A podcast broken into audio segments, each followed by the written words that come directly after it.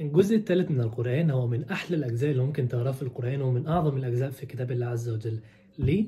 لأن أولا به آية الكرسي وهي أعظم آية في كتاب الله عز وجل وفي خواتيم سورة البقرة وخواتيم سورة البقرة دي كانت في كنز تحت عرش الرحمن ونزلت لنا مع سيدنا محمد صلى الله عليه وسلم في رحلة من في رحلة الإسراء والمعراج لما طلع نزل بخواتيم سورة البقرة وبسورة الفاتحة فتدبر الجزء ده فعلا بيفتح عينين الواحد على حاجات كتير بالذات إن هو في بداية سورة آل عمران والسورة دي تحس إن هي سبحان الله بتدخل في القلب على طول لأنها بتتكلم على ستنا مريم رضي الله عنها وعلى سيدنا عيسى عليه السلام.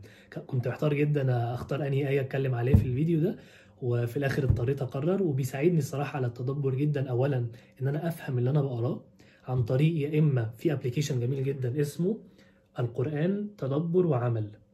ده في منه كتاب وفي منه application على ال iOS وما أعرفش فيه في, في ال Android ولا بس إن شاء الله يكون فيه ده بيساعد جدا جدا على التدبر وبيفتح لك أسئلة اللي هو ليه ربنا قال هنا كذا ليه ما قالش كذا وما بيجاوبكش. بيسيبك أنت تتدبر وتتفكر مع نفسك. بوصل لمرحلة ال application ده لما أكون أنا بقرأ كده وألاقي ربنا يقصد إيه بهنا. أقوم فاتح كده تفسير وأعرف ربنا يقصد إيه في الآيات دي. فالنهاردة إن شاء الله هقول لكم على خواطر اللي جات لي في آيات معينة من الجزء الثالث فتابعوا الفيديو للنهاية. أفلا يتدبرون القرآن؟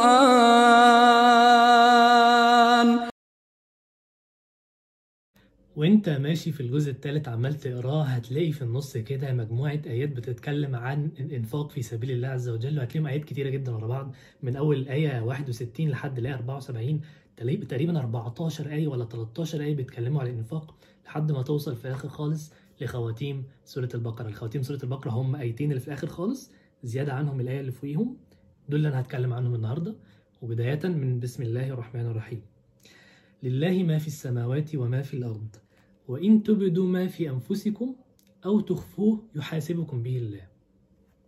أنت تقرأ الآية دي وتتخض. يعني أنا يوم ما أفكر في حاجة جوايا وفي قلبي ربنا يحاسبني عليها الصحابة لما هم سمعوا الآية دي قالوا يا, يا, يا رب راحوا للرسول صلى الله عليه وسلم قالوا له يعني حملنا الله ما نطيق صلاة وصيام وزكاة وقتال كل ده نطيق ولكن الآن حملنا الله ما لا نطيق. فالرسول صلى الله عليه وسلم قال لهم إيه؟ قال لهم أتريدون أن تفعلوا؟ طبعا الكلام بيبقى معناه مش بالنص. عايزين تعملوا زي ما عمل بنو إسرائيل أو أهل الكتابين من قبلكم. قالوا سمعنا وعصينا بل قولوا سمعنا وأطعنا. غفرانك ربنا وإليك المصير. فقالوا سمعنا وأطعنا غفرانك ربنا وإليك المصير. فكانت النتيجة النتيجة هو أن الله عز وجل بعدها قال لا يكلف الله نفسا إلا وسعها لها ما كسبت وعليها ما اكتسبت. كانت مكافأة ربنا ليهم إن هو مش هيكلف نفس فوق طاقتها. يعني لما قالوا سمعنا وأطعنا في الآية اللي هو آمن الرسول بما أنزل إليه من ربه والمؤمنون خلاص آمنوا. كل آمن بالله وملائكته وكتبه ورسله لا نفرق بين أحد من رسله. وقالوا سمعنا وأطعنا. لما تيجي تطبق الآية دي علينا إحنا كم مرة بتكون عرفت إن الشيء ده حلال أو الشيء ده حرام وتقول لا مش مقتنع؟ يعني حط نفسنا كده مكان الصحابة ساعتها لو نزلت علينا الآية أنا أنا يعني ربنا بيقول لنا أنا حاسبكم على حتى اللي بتفكروا فيه. لو أنتوا عايزين تعملوا حاجة غلط وما عملتوهاش أنا برضه هحاسبكم عليها. تخيل أنت حد يعني ربنا قال لك كده. هتقول لا أنا مش مقتنع إزاي؟ حاجة أنا ما أقصدهاش مش مقتنع. فساعتها الصحابة اتعلموا قالوا إيه حتى على الشيء اللي مش مقنع ده قالوا سمعنا وأطعنا.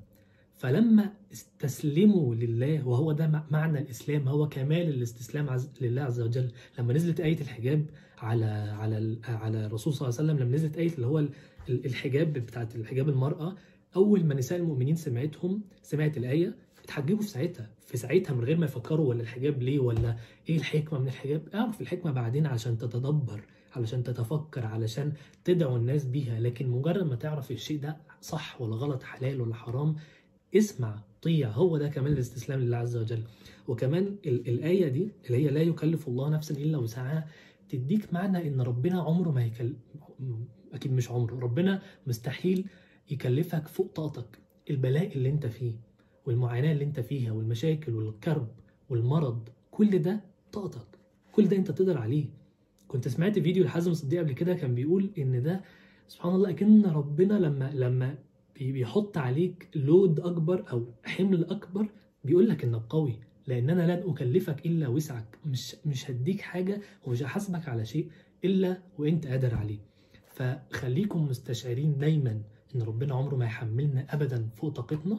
وخليكم برضو مستشعرين المعنى التاني هو كمال الاستسلام لله عز وجل. لما تستسلم لله عز وجل تماما ربنا أكيد هيكافئك. هيكافئك في الدنيا والآخرة. هنا مكافأتهم كانت إيه؟ لا يكلف الله نفسا إلا وسعها لها ما كسبت وعليها ما اكتسبت. فلو طبقنا الإسلام صح والاستسلام لله عز وجل بالشكل الصح في دنيتنا من غير ما نقعد نقول مش مقتنعين. طب إيه الحكمة؟ الكلام ده مهم اعرفه بعدين عشان تتدبر وعلشان تدعي الناس اللي مش مؤمنة بالكلام ده إن هم يعملوه. بس أنت لما تسمع خلاص سمعنا وأطعنا يا رب. وشوف كمان نتيجة الاستسلام لله عز وجل. ربنا كافئهم إزاي؟ ربنا كافئهم بإيه؟ اولا ما حملهمش باللي هم ما لهمش طاقة بيه. قبل كده في أيام البني إسرائيل كانوا اللي اللي يذنب ساعتها علشان يتوب يقتل نفسه. فاقتلوا أنفسكم. ربنا قال لهم في القرآن فاقتلوا أنفسكم. لو عايزين تتوبوا إن كنتم صادقين. فإحنا دلوقتي بنت... عشان نتوب بنعمل إيه؟ بنرجع عن الذنب ونستغفر. خلاص الأمر يسير. ساعتها أيام زمان أيام بني إسرائيل أو في المسيحيين زمان كانوا ساعتها لما مثلا في نجاسة تقع على الثوب بيحرقوه. وشوف كمان مكافأة ربنا لينا لما استسلمنا لقوله عز وجل وقلنا سمعنا وأطعنا. كانت المكافأة أنا مش هحملك فوق طاقتك بل اللي جواك ده اللي هو إن تخفوا ما في صدوركم لو أنت هميت يعني في الحديث القدسي لو أنت هميت بسيئة ولم تفعلها كتبت له حسنة. فأجر عظيم جدا جدا جدا من ربنا بمجرد إنك سمعنا وأطعنا. فأدعوكم كلكم بتمام الاستسلام لله عز وجل وطاعة ربنا عز وجل قدر المستطاع. الرسول صلى الله عليه وسلم قال في الحديث فاتقوا الله ما استطعتم. بس فدي كانت الخواطر اللي جات لي من الآيتين دول.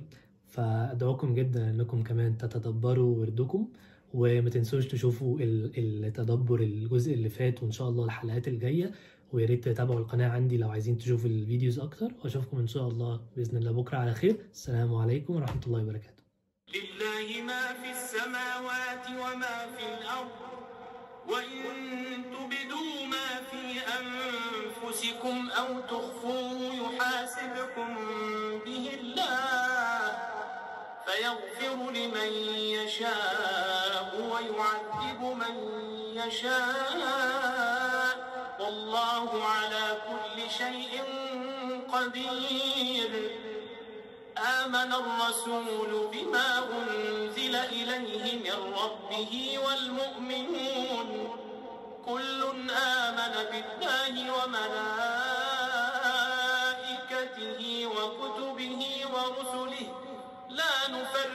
بين أحد من رسله وقالوا سمعنا وأطعنا غفرانك ربنا وإليك المصير. لا يكلف الله نفسا إلا وسعها لها ما كسبت وعليها ما اكتسبت. ربنا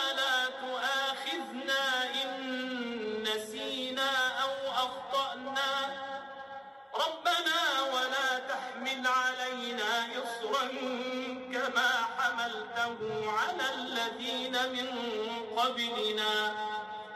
ربنا ولا تحملنا ما لا طاقة لنا به.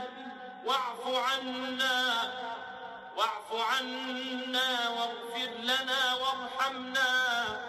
أنت مولانا.